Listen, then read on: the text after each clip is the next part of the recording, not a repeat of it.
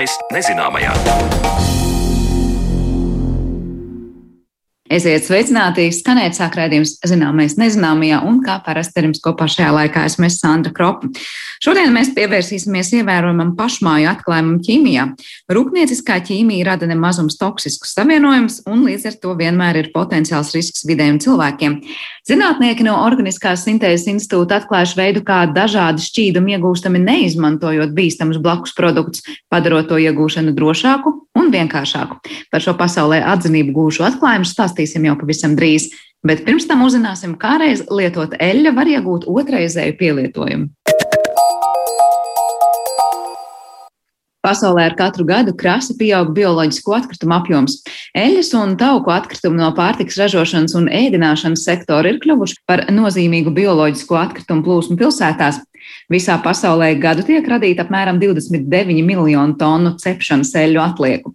Viens no veidiem, kā šos atkritumus pārstrādāt jaunā produktā, ir šo eļļu pārvēršana par virsmu aktīvajām vielām, proti par substanci, ko izmanto gandrīz visos ikdienas produktos, tīrīšanas līdzekļos, kosmētikā, pārtikā un farmācijā.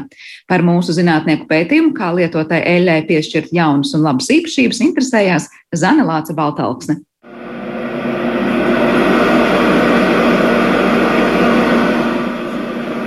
Maisītājā tiek jaukta masa, kas iztālēm atgādina piena kokteili, bet laboratorijas vide izgaisina iespaidu par minēto kārumu. Video demonstrācijā, ko man atsūtīja Latvijas Universitātes vadošā pētniece Elīna Dāce, ir redzams process, kā reiz pārtikā lietotās eļļas tiek pārstrādātas vielā, ko vēlāk varēs izmantot tīrīšanas līdzekļos, kosmētikā, pārtikā un farmācijā. Sākums ir pārtikas eļļu un tauku atkritumi, kuri restorānos, kafejnīcās vai pārtikas ražošanas uzņēmumos paliek pāri pēc pārtikas cepšanas, grillēšanas vai konservēšanas, un kurus saskaņā ar normatīvo regulējumu nedrīkst vienkārši izmest ārā kopā ar citiem atkritumiem. Līdz šim ierastais ceļš ir šo eļļu savākšana un nodošana pārstrādē biogāzes vai biodīzeļdegvielas ražotājiem. Taču Latvijas Universitātes zinātnieku komanda sadarbībā ar akciju sabiedrību Biotehniskais centrs strādā pie jauna projekta un pēta, kā no šiem eļļu un tauku atlikumiem var radīt izeivielu ar augstāku pievienoto vērtību. Par šo procesu attālināti ierakstītā sarunā plašāk stāsta Latvijas Universitātes vadošā pētniece Elīna Dāce. Tas mērķa produkts mūsu gadījumā ir biovirsmaktīvā viela, safarolipīds. Mums e, plašākai sabiedrībai varbūt biovirsmaktīvās vielas varētu būt saprotamāks nosaukums. Tās ir tādas vielas, kas palīdz samazināt virsmas spraigumu. Un, ja mēs atceramies no skolas, ūdens virsmas spraigums, tad šīs vielas ir tās, kas palīdz samazināt virsmas spraigumu. Un šīs ir arī vielas, kas tiek pievienotas piemēram mazgāšanas līdzekļiem, tīrīšanas līdzekļiem, kosmētikas līdzekļiem, bet varbūt kas ir mazāk zināms, arī pārtiks produktiem. Tos ir iespējams izmantot arī lauksaimniecības zemēs vai piesārņoto augšņu attīrīšanai. Tad tiek izmantota šī biovirsmatīvo vielu spēja samazināt virsmas spraigumu un tādējādi attīrīt kaut ko vai labāk saistīt kaut ko, kas ir pamatviela produktā. Tas, ko mēs darām savā pētījumā, mēs ņemam dažādas atkrituma eļļas, un mēs tās piedāvājam mikroorganismiem, raugiem. Raugi ir brīnišķīgi organismi, kas spēj patērēt šos lipīdus, un taukus un eļļas saturošos materiālus, jeb izēvielas, un izmantot tos savā uzturā tā vienkāršot sakot. Un tad, kad viņi ir šīs tēļas apēduši, tad viņi rada tādu produktu, ko mēs jau pirmīt apspriedām, šo sofrolipīdu, jeb biovirsmaktīvās vielas. Un tas, ko mēs mēģinām darīt, ir mēs mēģinām saprast, kas ir tās eļļas, kas vislabāk patīk augiem, kā šo procesu maksimizēt, ja pēc iespējas panākt lielāku iznākumu produktam, kas vispār ir tas, ko mēs beigās esam ieguvuši, jo pastāv arī kaut kādas atšķirības un dažādi veidi pašu safarolipīdu vidū.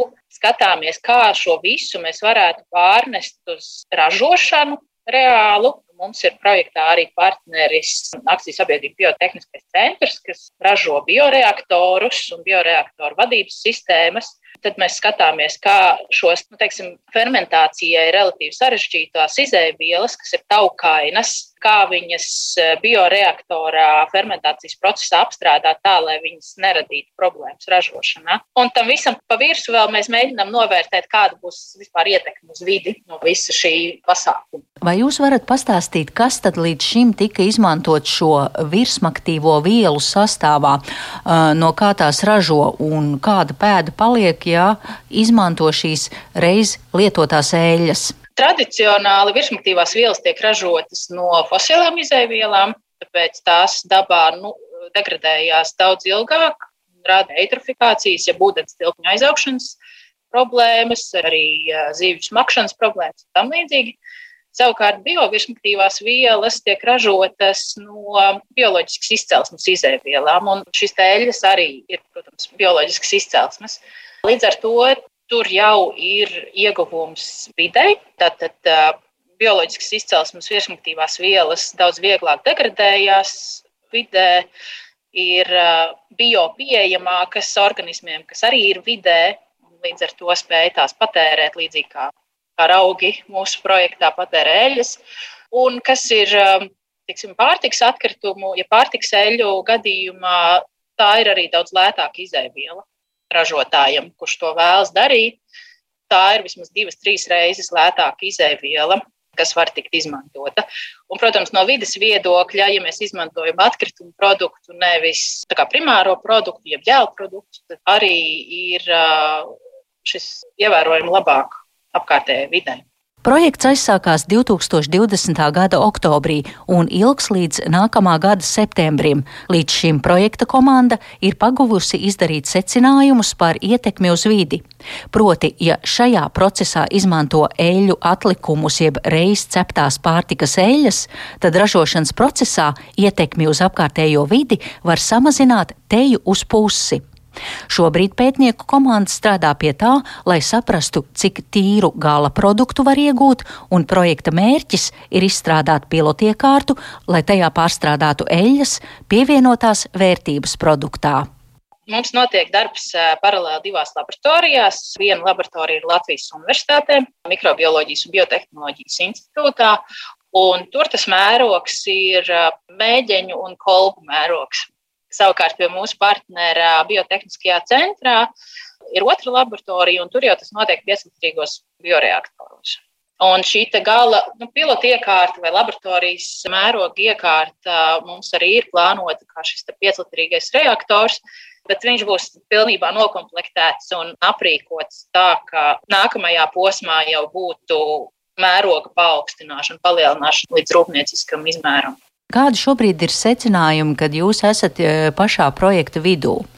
Tas, ko mēs varam šobrīd teikt, ka šīs fermentācijas rezultātā mēs varam iegūt nu, aptuveni pusotru litru e, soforolipīdu, bet neatīrītu soforolipīdu no 5 litrīga šī reaktora.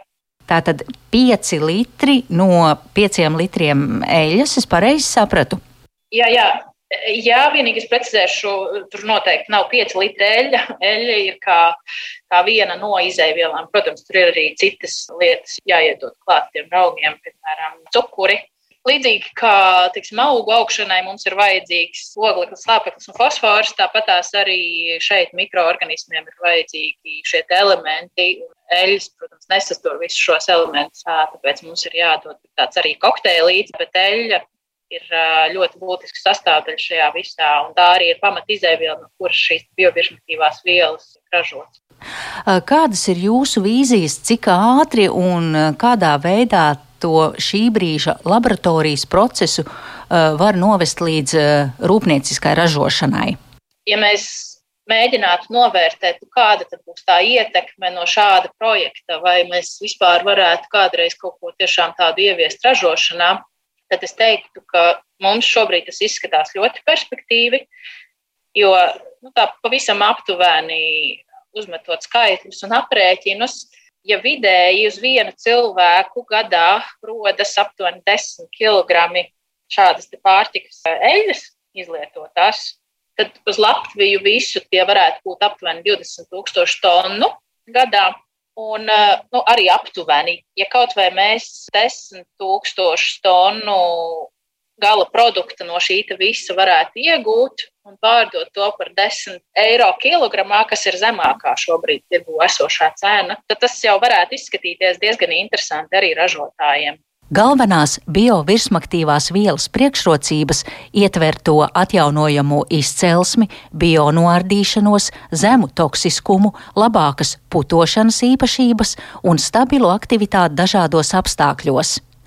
Ņemot vērā šīs priekšrocības, šim produktam ir milzīgs tirgus potenciāls, it īpaši, ja tās ir ražotas no atkritumiem, uzsver Elīna Dāce atlikumus un, un dažādus atkritumus, ko mēs tiešām šobrīd uzskatām par kaut ko lieku, nevajadzīgu, no kā mēs vēlamies atbrīvoties. Ja mēs varam atrast veidus, kā šīs vielas vai, vai, vai produktus, kā mēs viņus varam izmantot kaut kā jauna radīšanai un uh, ilgākai paturēšanai apritē, tad tas pilnībā atbilst šiem aprits ekonomikas mērķiem, palīdz ilgspējībai, palīdz ietekmes uz vidi samazināšanai. Un, ja tas vēl ir ekonomiski izdevīgi, nu, tad izklausās, ka tas atķeksē visas kastītes, kā saka. Tik tālu par vecas eļas jauno dzīvi, bet raidījuma turpinājumā pievēršamies atklājumiem ķīmijas nozarē un tam, kā elektrība var aizstāt toksisko vielu savienojums rūpnieciskajā ķīmijā.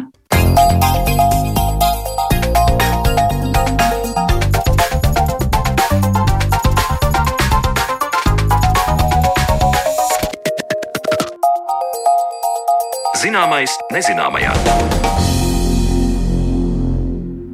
Latvijas Zinātņu akadēmija par vienu no lielākajiem sasniegumiem zinātnē ir atzinusi pētījumus ķīmijā.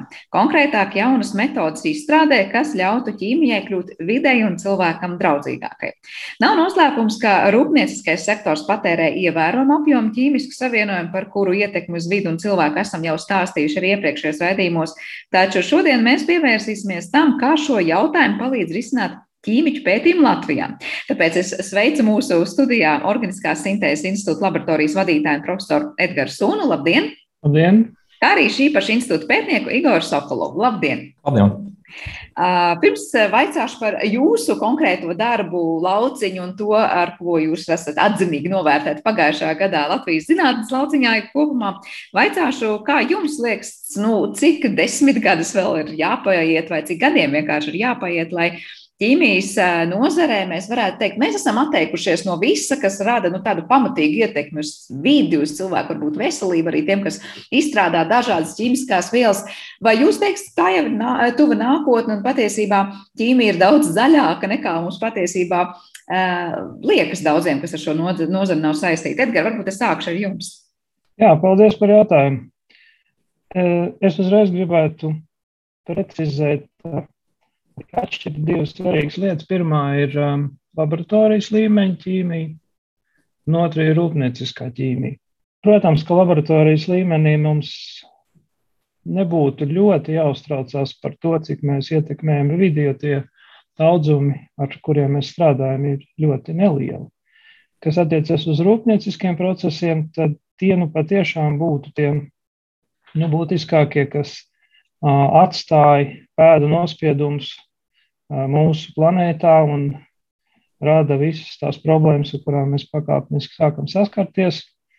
Un rūpnieciskie procesi noteikti būtu jāuzlabo ar mērķi, lai tie kļūtu mazāk, lai tie atstātu mazāk negatīvu ietekmi uz apkārtējo vidi. Un tā ir ļoti sarežģīta problēma, tāpēc ka rūpnieciskie procesi, rūpniecisko procesu izstrāde ir ļoti darbietilpīgs process. Kārtīgs rūpniecisks vielas iegūšanas paņēmiens saistīts ar vismaz 5-10 gadu smagu darbu, lai novestu šo paņēmienu līdz jau ražošanai. Un tādas ātras izmaiņas nu, ir diezgan grūti iedomājams. Tas noteikti ir evolucionārs un lēns process. Tas noteikti nevar būt revolucionārs. Un tas, tas, ko es gribu mūsu klausītājiem teikt, ka jā, šī problēma ir sen jau apzināta. Mēs jau sen zinām, ka mums ir jāmaina ķīmiķi, mēs domājam, mums ir jāmaina, jāuzlabo uh, rūpnieciskā ķīmija pateicoties kurai mēs ikdienā varam izmantot ļoti daudz un dažādas preces un lietas ikdienā lietojams.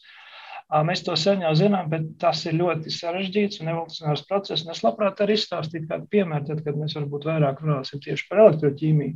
Jā, ļoti labi to varētu parādīt. Tas ir, es, saprotu, piemērs, kas ir jūsu zinātnes lauciņā sasniegt, sasniegtais un pētāmais objekts. Es pirms tam gribēju Igoram pavaicāt, varbūt ir kāda piebilde par to, tad es pareizi domu sapratu, ka patiesībā, ja mēs runājam par rūpniecisko ķīmiju, tad tas ir garš process un tas, pie kā strādās, piemēram, šodien, lai uzlabotu to visu, noteikti radīs kaut kādu reālu, nezinu, izmērāmu labumu pēc nu, kādiem pieciem vai desmit gadiem, nevis rīt parīt aizparīt. Jā, tā ir. Mm, Mākslinieks, ko es varu pie, piebilst vēl pie Edgars teiktā, tas, ka zinātnieki šobrīd ne tikai nodarbojas ar šo problēmu ķīmijas padarīšanu par zaļāku, bet arī kā novērst jau problēmas, kuras ir radušās. Tas arī tāds papildus virziens, kas arī pamazām attīstās un varētu gaidīt, ka tuvākajā laikā tas nāks arī palīdzīgā pie tā, ka mums jāmaina daudzie procesi, kas nav tik labi. Es saprotu, ja mēs runājam par tādu šīs dienas galveno sarunas tematu, un jūsu pētījumu tā ir elektrosintēze, proti, kā jūs uh, spējat iegūt, uh, es pareizi saku, ķīmiskās vielas, nu, pavisam citādā veidā, un proti ļoti uh, gan efektīvi finansu, ja mēs sektorā domājam, gan arī no vidas aspekta domājam, bez atkritumu vielām, proti to, ko tieši vajag, to un tieši tik daudz arī iegūsiet. Izstāstiet, kas ir šī elektrosintēze un kā tā īsti darbojas. Nu, es varbūt atkal sākšu par elektrosintēzi, un arī būs nedaudz tādu piemēru no rūpnieciskās ķīmijas. Sāksim ar to, kas ir elektrosintēze. Elektrosintēze ir organisku vielu iegūšanas metode, izmantojot elektrisko strāvu. Citiem vārdiem sakot, elektrosintēze ir elektronu pievienošana vai atņemšana, tādējādi izmainot vielas uzbūvi. Un šajā procesā, ko sauc arī par oksidēšanās, reducēšanās procesu, oksidēšanās, tad, kad mēs atdodam elektronus kaut kam no vielas, paņemam citiem vārdiem sakot, un reducēšanās ir tad, ja mēs elektronus vielai iedodam. Šī oksidēšanās, reducēšanās reakcijas notiek izmantojot īpašus elektrodus, ja tās ir tā nu, virsma, uz kuras notiek lādiņa apmaiņa starp mūsu, rēdi, mūsu interesējošo vielu un tātad, nu, strāvas avotu. Un uh, mēdz būt divi veidi elektrodi, mēdz būt uh, anodi, kas ir pozitīvi lādēts, daļa no elektroķīmiskās šūnas, un ir katodi, kas ir attiecīgi negatīvi lādēti elektroķīmiskās šūnas nu, apgabali, jeb daļa. Un, tātad tas, ko mēs darām, mēs izvēlamies tādu iekārtu, kurā ir atrodas šie divi elektrodi, pieslēdzam tos pie līdzstrāvas avota, un mūsu interesējošo vielu, ko mēs vēlamies pārvērst par kaut ko citu, mēs šķīdinām īpašos šķīdinātājos, kurus ideālā gadījumā, kuri vada elektrību. Nu, ja šie šķīdinātāji nevada elektrību, nu, tad mums nākas pievienot elektrību vadošu tā saucamo fonu elektrolītu. Vislabākais šķīdinātājs elektroķīmijā ir ūdens, jo ūdenī izšķīdusie sāļi nodrošina ļoti labu elektrovadītspēju. Ja, mums, ja mēs esam spiest strādāt dažādu apsvērumu dēļ ar organiskiem šķīdinātājiem, nu tad ir virkne šķīdinātājs, kurus mēs varam izmantot, piemēram, spirti, etilspirts, metilspirts, piemēram, Bet, nu, zināms, ka šie spirti nevada elektrību, līdz ar to mums jāpievieno elektrības vadošs nu, elektrolīts, fona elektrolīts. Un, nu, tad visbiežāk šim nolūkam izmanto dažādus lādētus, lādētus jonus saturošus organiskus savienojumus. Nu, tas izklausās tā ļoti varbūt zinātniski, uh, smalki, un uh, var rasties klausītājiem jautājums, nu, kāds tam visam sakars ar reālo dzīvi un kāds tam sakars ar rūpniecību. Un uh, šeit man ir pāris piemēri sagatavoti. Man pašam bija interesanti īstenībā vēlreiz tos atsvaidzināt. Uh, un stāsts būs par īstenībā četriem procesiem. Pirmais ir tā saucamā chlora sārmu process. Tātad, Elektrolīze rūpniecībā tiek izmantota, lai, lai ražotu chlora, gāzveidu chloru. Vienlaicīgi šajā procesā veidojas arī gāzveidu ūdeņrads un arī tāda viela, kas diezgan visiem labi pazīstama, tas ir sārums, nātrijas sārums. Um, šis process īstenībā ir tiek īstenots prātām diezgan neaptveramos apjomos pasaulē. Pasaulē katru gadu tiek saražoti 45 miljoni tonu gāzveida chlora. Un šim nolūkam tiek patērēts vairāk nekā viens procents no visas pasaules elektroenerģijas. Ja to pārvērš nu, mūsu pazīstamajās kilovatstundās, tad es uzreiz nosaukšu nevis kilovatt, bet teravatstundas, kas ir attiecīgi miljārds kilovatstundu, jeb 125 teravatstundas gadā. Un īstenībā ir tā, ka tad, kad es mācījos skolā, tad man ķīmijas stundā stāstīja, ka tā valsts, kura visvairāk saražo sērskābi, tā ir visekonomiski un tehnoloģiski attīstītākā valsts. Mūsdienās, cik tas interesanti arī nebūtu, tehnoloģiski visattīstītākās valsts ir tās, kuras spēj saražot pēc iespējas vairāk šī chlora. Tas parāda to, ka valstīm tehnoloģija līmenis ir nu, tādā pakāpē jau ir, kurš ka, ka šo kārtīgi sarežģīto elektroķīmisko procesu var īstenot. Nu, zināms, ka chlors tiek izmantots polivinilchlorīdu ražošanai, piemēram, tā ir tāda plastmas visiem ikdienā, es domāju, labi zinām. Chloru izmanto arī kā balinātāju un arī kā nu, dezinfekcijas līdzekli. Un savukārt nātrijas sārmu, kas veidojas kā blakus produkts chloru ražošanā, izmanto vienā citā procesā, Eh, kas ir vēl interesantāks no manas skatu punkta. Jo es pat eh, līdz vakardienas vakaram nebiju īstenībā informēts par to, cik milzīgos apjomos pasaulē tiek ražots tāds metāls kā alumīnijas. Alumīnija ražošanā izmanto to pašu elektro, elektroķīmiju, citiem vārdiem sakot, alumīnija savienojumos esošu alumīnija jonu reducē līdz metāliskam alumīnijam.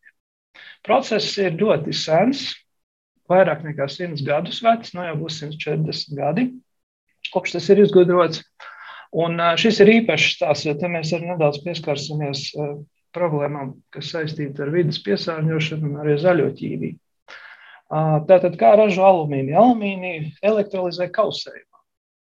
Un, kā izēvielu izmanto boksītus, kurus iepriekš apstrādā to sārmu, ko iegūst chlora elektrolīzes procesā, un tādā veidā iegūst alumīnija oksīdu, kurš, tā, kurš jāizkausē. Alumīnija oksīda kušanas temperatūra ir tik augsta, ka tā izkausēšana praktiski būtu nesavietojama ar jebkādu ķīmisko procesu, jo ne, mēs nevarētu panākt nekādu nu, tādu reaktoru, kas varētu izturēt tādu augstu temperatūru, kurā kūst alumīnija oksīds. Tāpēc šo alumīnija oksīdu sakalsē ar vienu citu alumīnija minerālu, kas saucās kriolīts. Un šis sakausējums kūst nu, vismaz divas reizes zemākā temperatūrā nekā pats alumīnija oksīds. Bet tā temperatūra vienalga ir apmēram 1000 grādu.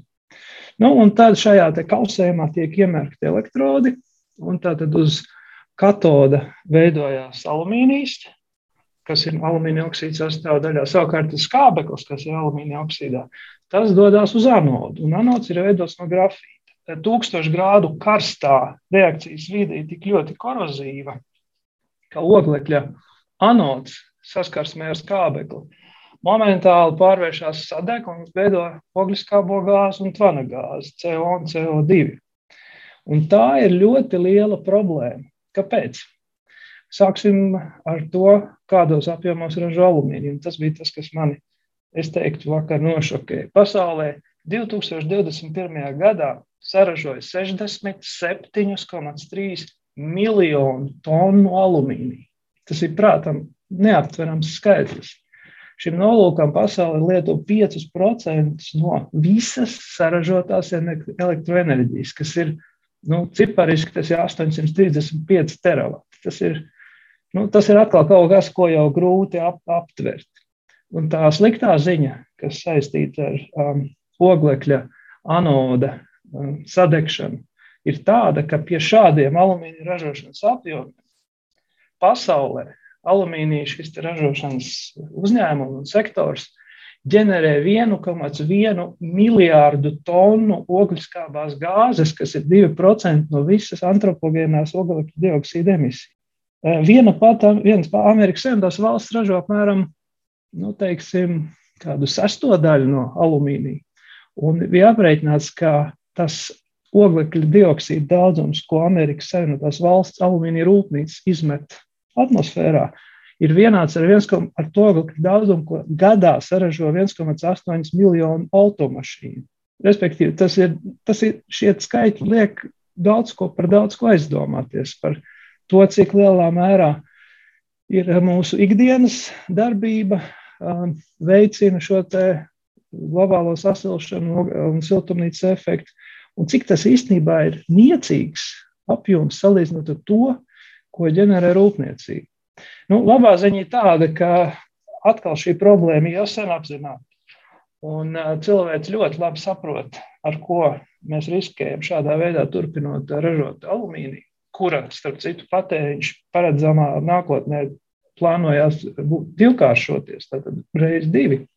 Un ja, apzinoties šo, šo izaicinājumu un šo problēmu, pat labāk Amerikas Savienoto Valstu, Kanādas valdības un arī alumīnija ražotāji, un tā skaitā arī mobilo telefonu ražotājs Apple, kura mobilo telefonu karkas ir veidot no alumīnija, pat labāk ir investējuši apmēram 150 miljonu dolāru pētījumos, kuru uzdevums ir mēģināt kaut kādā veidā aizvietot šo oglekļa anodu, kas ir vainīgs pie šī ārkārtīgi lielā CO2 izmešu apjoma. Aizvietot to pret kādu nu, daudz uh, drošāku anodu, ar kuru palīdzību varētu CO2 vietā ģenerēt skābekli no šī alumīnija oksīda. Tad alumīnijas reducējas par metālu, alumīnija jonu, un skābeklis varētu attiecīgi veidot uh, skābekļa jonus, veidot varētu molekulāro skābekli. E, tas atkal būs ļoti ilgs, evolucionārs process, vairāk iemeslu dēļ. Pirmkārt, tehnoloģija šobrīd nav. Kā varētu aizstāt šo oglekļa anodu? Nu, nav tāda tehnoloģija. 140 gadu laikā nav neviens spējis izdomāt neko labāku par oglekli. Un pat tad, ja rastos iespēja šādu te tehnoloģiju izstrādāt, pasaulē paietu vismaz es teiktu, 5, 10 gadi pie labākā scenārija, kamēr rūpnīca pāriet uz jauno ražošanas tehnoloģiju. Tā ir ļoti sarežģīta lieta. Un, līdz ar to es domāju, ka šī ogskābās gāzes izmešu problēma kontekstā ar alumīnija ražošanu nu, būs vēl vismaz 20 gadi mūsu sāpju bērns. Un, bet, uh, bet tur neko diemžēl nevar darīt. Bet ir kādas idejas, kā aizvietot šobrīd, jo jūs teicāt, nu, labāk par to oglekļa anodu nekas nav izdomāts. Kas ir tas, kas varbūt varētu nu, būt cerību stariņš, lai tomēr tas process ātrāk mainītos par labu? Nu, tagad jaunākie, jaunākie pētījumi uh, rāda, ka ir cerība, ka šo oglekļa anodu varētu aizvietot pret uh, tādiem īpaši niķeļa sakausējumu saturošām keramikām. Tas ir, tas, ir, tas ir īstenībā arī ļoti sarežģīts, eh, sarežģīts materiāls, kur iegūšana arī noteikti prasīs daudz laika, bet nu, ir, ir pozitīvas ziņas. Ir pozitīvas ziņas, bet mēs vēl nevaram teikt hop, jo līdz hop vēl ir diezgan tāls ceļš. Tas, pie kā jūs strādājat, un es saprotu, tikāt atzinīgi novērtēt, ir par konkrēti broma šķīdumiem un to, kā iegūt bromu elektrolīzes ceļā, vai tas gluži nav tas pats, kā pie kā esat strādājuši? Varbūt Igors vēlas ko pastāstīt sīkāk. Nē, šeit stāsta drusciņā nevis par bromu šķīdumu, bet par bromu saturošiem savienojumiem. Un galvenais, ko mums izdevās sasniegt, tas tā, ja sāksim drusciņā attālināt, tad to, ko Edgars pieminēja jau stāstot par elektrolīzi, tad, tad oksidēšanas reducēšanas reakcija. Klasiskā ķīmijā iespējams veikt arī kolbā. Vienkārši pievienojot attiecīgus reagentus. Atšķirība no elektrosintēzes, parastajā sintēzē kaut kāds reagens pilda to elektronu atņemšanas vai pievienošanas darbu. Bet, diemžēl, reakcijas gaitā arī rēģents nekur nepazūd, bet pārvēršas par kādu citu savienojumu, kas nav vajadzīgs, kas ir papildus blakus produkts, kuru nepieciešams atdali, izdalīt no reakcijas maisījuma un kaut kur utilizēt. Ne visi oksidēšanas reducēšanas rēģenti ir patīkami. Vieni, protams, ir viegli lietojami un glabājami bez problēmām, un diezgan stabili. Citi ir tik nikni, ka viņi gan miedarbojas ar stiklu un viņu sagrauj, gan arī trakot indīgi, un ar viņu vispār milzīgi problēma strādāt. Tik tālu, ka, tu, piemēram, tas rēģents, ko klasiski izmantoja pirms mēs atradām uh, risinājumu, tad tas rēģents ar viņu principā drīkst uh, strādāt kārtīgi bez maz vai tikai divas laboratorijas pasaulē. Uh, dēļ tā, ka viņam tas uh, drošības uh, līmenis ir pietiekami augsts. Tad mums savukārt izdevās šito, šo rēģentu aizstāt ar jau pieminēto elektrisko strāvu krietni vienkāršo procesu, jo priekš tam nevajag nekādas augstas drošības pasākumus. Pietiek ar vienkāršu elektrolytisko šūnu, ar diviem elektrodiem un strāvas avotu. Nav tā, ka pie jūsu gadījumā šī risinājuma arī mēs runāsim par diezgan lieliem enerģijas patēriņiem, to, ko Edgars pirms brīža stāstīja, ka varbūt nu, tā elektrība tur būs ļoti, ļoti, kas, kas, kas tiks patērēta. Kā ir ar to patēriņu jautājumu jūsu kontekstā? Pagaidām, vismaz tais daudzums, ko mēs ražojam laboratorijā, tas ir neskaitāmas reizes lētāk nekā izmantot jau iepriekš minēto oksidētāju. Tālāk, ja savienojums būs gana interesants, jā, kaut kādas izmaksas būs, bet vienalga, ja es pareizi atceros, tad šī savienojuma tur vienu kilogramu ražošana cena par elektrību, patērētu elektrību būs kaut kur ap eiro centa, varbūt mazāk. Edgars, varbūt gribēs papildināt kaut ko, jo es saprotu par jūsu nu, pētījumu. Var teikt, ka tas ir kaut kas, ko ķīmijas nozarē ilgi ir gaidījuši, vai, vai tas būtu par skaļu teikts? Es domāju, ka tā var teikt, jo pieeja, kā mēs uh, iegūstam šos īpašās oksidēšanās pakāpes broma reaģents, tad tie normāli tie, kas varbūt atcerās no skolas soliem ķīmiju, tad uh, droši vien zina, ka broms ir vienvērtīgs, visos bromīdos, un tā skaitā arī gan organiskajos, gan neorganiskajos bromīdos. Bet tas, ko mēs ieguvām, ir broms ar ļoti īpašu neparastu oksidēšanās pakāpi, kas ir plus 3. Nu, var rasties jautājums, kur tas interesē. Broms oksidēšanās pakāpē plus 3 ļauj veikt eh, ķīmiskās pārvērtības tādas, kuras eh, ar citiem rēģentiem praktiski nebūtu iedomājams. Tas mums paver iespēju Nu, piemēram, daudz efektīvāk, daudz ātrāk sintēzēt vielas, piemēram, jaunu zāļu izstrādes procesā. Vai, piemēram, mēs varam izmantojot šo mūsu trīsvērtīgā broma reaģentu ļoti ātri tikt pie, piemēram, daļiņām, kuras spēj efektīvi emitēt gaismu. Tātad tie būtu dažādi luminofori, kas uh, izstaro gan fluorescenci, gan fosforescenci, līdz ar to mēs varam, piemēram, tos izmantot dažādu iekārtu iegūšanai, dizainam, nu, piemēram, šo pašu televi televizoru un monitoru ekrānos ir luminiscējošās vielas, jā, tie tā saucamie OLED, jā, droši vien daudzi dzirdējuši.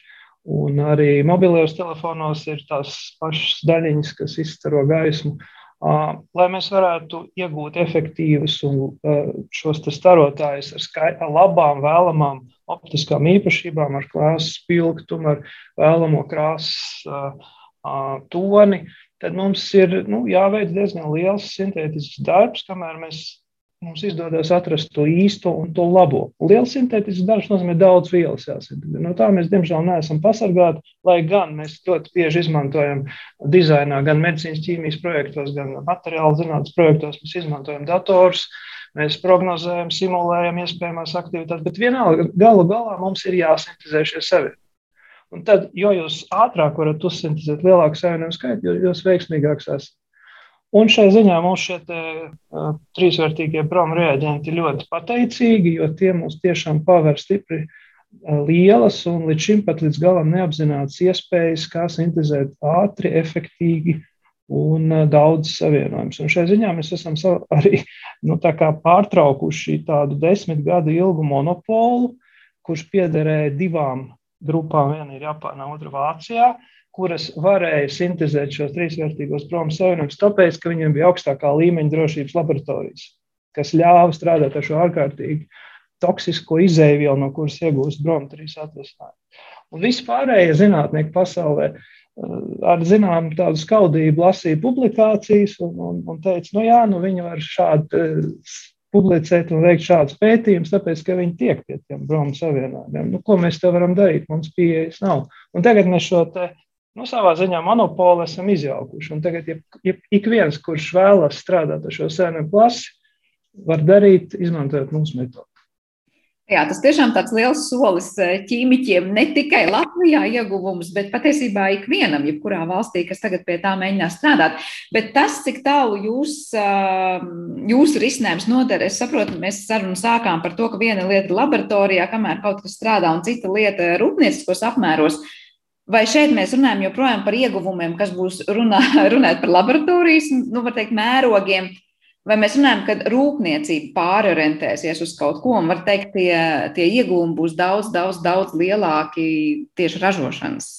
Es minētu, ka pirmām kārtām mūsu rezultāti ir izmantojami tomēr laboratorijas līmenī. Varbūt nedaudz lielākā, jo mēs varam uh, iegūt kilogramu apjomā šo trīsvērtīgos, šos trīsvērtīgos bromu savienojumus, un principā mēs viņus varētu arī izplatīt, komercializēt, kas ir, protams, iespējams, un visticamāk, ka tas kaut kādā brīdī tā arī var notikt. Tur gan tad ir jāsaka, jāsakārto intelektuālā īpašuma aizsardzība, bet tas viss ir iespējams, un tas par to pat labāk mēs arī domājam. Bet tas noteikti nebūs, tā noteikti nebūs Latvijas no elektroķīmija kā metode. Tā pat labāk piedzīvo sava veida renesansi, jo tā ir ļoti sena metode. Pirmais, pirmie elektroķīmijas pētījumi notika starp citu tepat Rīgas Politehnikumā, un tos, tos vadīja Nobeļa prēmijas laureāts Vilhelms Ostvalds kopā ar Svante Rēnijus, tālāk tos pārņēma Pauls Valdens, un pēc tam jau Padomas Savienības um, laikā ar to nodarbojās ļoti pazīstamais akadēmiķis Jānis Stradiņš, kurš savu disertāciju, doktora disertāciju toreiz tā bija kandidāta disertācija, izstrādāja par organisko savienojumu molekulāro elektroķīmiju. Un, neskatoties uz to, ka šī metode ir tik sena, tā renaissance saistīta vairāk ar to, ka elektroķīmija sāk izmantot pielietojamā plāksnē.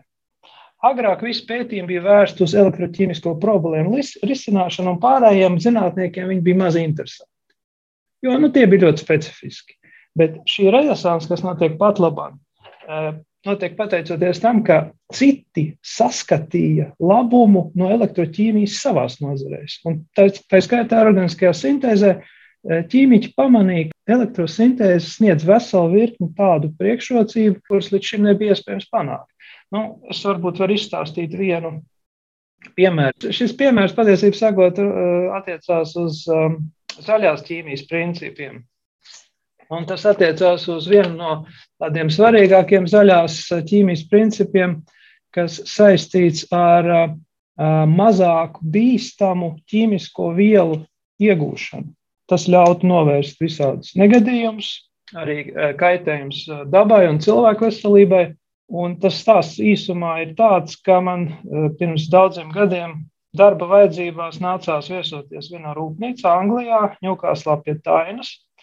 Un šajā rūpnīcā tika izmantots process, reducēšanas process. Tātad oksidēšana, reducēšana, atkal paralēls ar elektroķīmiju, kur mēs darām to pašu, mēs oksidējam, reducējam.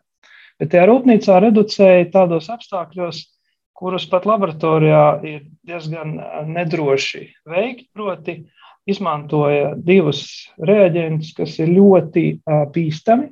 Viens ir metāliskais nātrijs, varbūt no skolas kāds atcerās, ka nātrijs iemetot ūdenī praktiski reaģē sprādzienu un deg. Un otrs ir šķidrais amoņāks.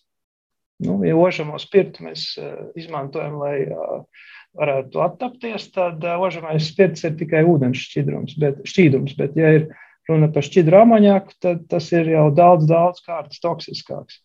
Un uh, virs tās rūpnīcas ieejas bija cipariņu skrēja, un es jautāju, kas, kas tie pa cipariem, un atbild bija, tas ir, tās ir sekundes, kas pagājuši kopš pēdējā lielā negadījuma rūpnīcā.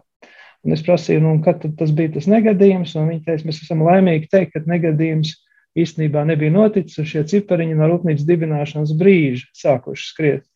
Kāpēc es to stāstu? Ja nedod Dievs, tad būtu noticis kāds negadījums ar šķidru amoniaku un nātriju, tad blakus esošā ņūkāsla, kas ir apmēram divreiz mazāk par Rīgu, nu, viņi vienkārši nebūtu paspējuši viņu evakuēt. Mūsdienās elektrosintēzē ļauj šo pašu reakciju veikt absolūti droši, neizmantojot nec nātriju, nec amoniaku, izmantojot elektrisko strāvu. Tas ir skaists piemērs tam, kā modernās tehnoloģijas risina senas problēmas un, un arī tā skaitā tādā zaļās ķīmijas un vidē draudzīguma kontekstā. Nu, to, ka zaļai ķīmijai var teikt, aug kājas ar Latviju saistītas jau patiesībā ļoti sen, tas ir fakts. Un šobrīd arī es saprotu, neviena vien ķīmiķu grupa strādā patiesībā pie dažādiem ar zaļo ķīmiju saistītiem jautājumiem, par kuriem mēs esam arī runājuši šajā raidījumā. Noslēdzot šo sarunu, es gribēju jums vaicāt, kādi ir tie jūsu tālākie soļi. Labi, jūs teicāt, jums jāsakārto intelektuālā īpašuma aizsardzības lietas, un tad iespējams jūs to varētu, kā saka, eh, laist tautās, kā saka, pie citiem, bet eh, vai ir jau konkrēti soļi, kas sekos un par ko es nezinu, mums te ir jāturīkšķi, lai viss izdodas? Nu, Igors izstāstīs eh, par saviem panākumiem. Mums jau ir diezgan, diezgan liels solis uz priekšu spērts. Jā, mums veiksmīgi izdevās dabūt vēl aktīvākus bromu saturošus savienojumus, par kuriem šobrīd gāja runa. Un, mēs aktīvi pētām, izstrādājam to iegūšanas metodi un meklējam viņam jaunu pielietojumu. Man es varu padalīties, ka Igors ir šogad saņēmis fundamentālu lietišķu pētījumu projektu lielajā konkursā. Un, nu, šogad mēs tieši to pētījumu, Igors ir sācis, un es novēl, varu novēlēt viņam veiksmi trīs gadu priekšā. Gan jau būs vēl ļoti interesants lietas. Jā, nu mēs noteikti arī pievienojamies veiksmības vēlējumiem un ceram dzirdēt atkal jaunus, interesantus un daudzsološus rezultātus, kas nebeigsies vienkārši ar to, ka pētījums ir beidzies un rezultāti, bet vienmēr būs sajūta, ka ir vēl kur spērt turpmākos soļus. Un Tie solās gan būt, kā jau Vigors tikko teica, jaunu pielietojumu, varbūt lauciņā vai arī jaunu metožu lauciņā. Teikšu jums abiem lielu paldies par to, ka šodien ieskicējāt šo sarežģīto lietu, kas ir e, ķīmijā un par to, kā virzās šī nozara uz to, lai, lai tā kļūtu daudz vidēji draudzīgāka un arī e, zaļāka visās tās iespējamās e, nu, nozīmēs. Atgādināšu, ka Organiskās sintēzes institūta laboratorijas vadītājs profesors Edgars Sūna un šī paša institūta pētnieks Igors Sokolovs šodien pie mums viesojās attālinātajā studijā studijā. Ar to arī raidījums ir izskanējis, un par to pateikšos producentē Paulai Gulbinskai, mūzikas redaktoram Girtam Bišam. Savukārt es Sandra Kroparms kopā būšu atkal rīt šajā pašā laikā. Visu labu!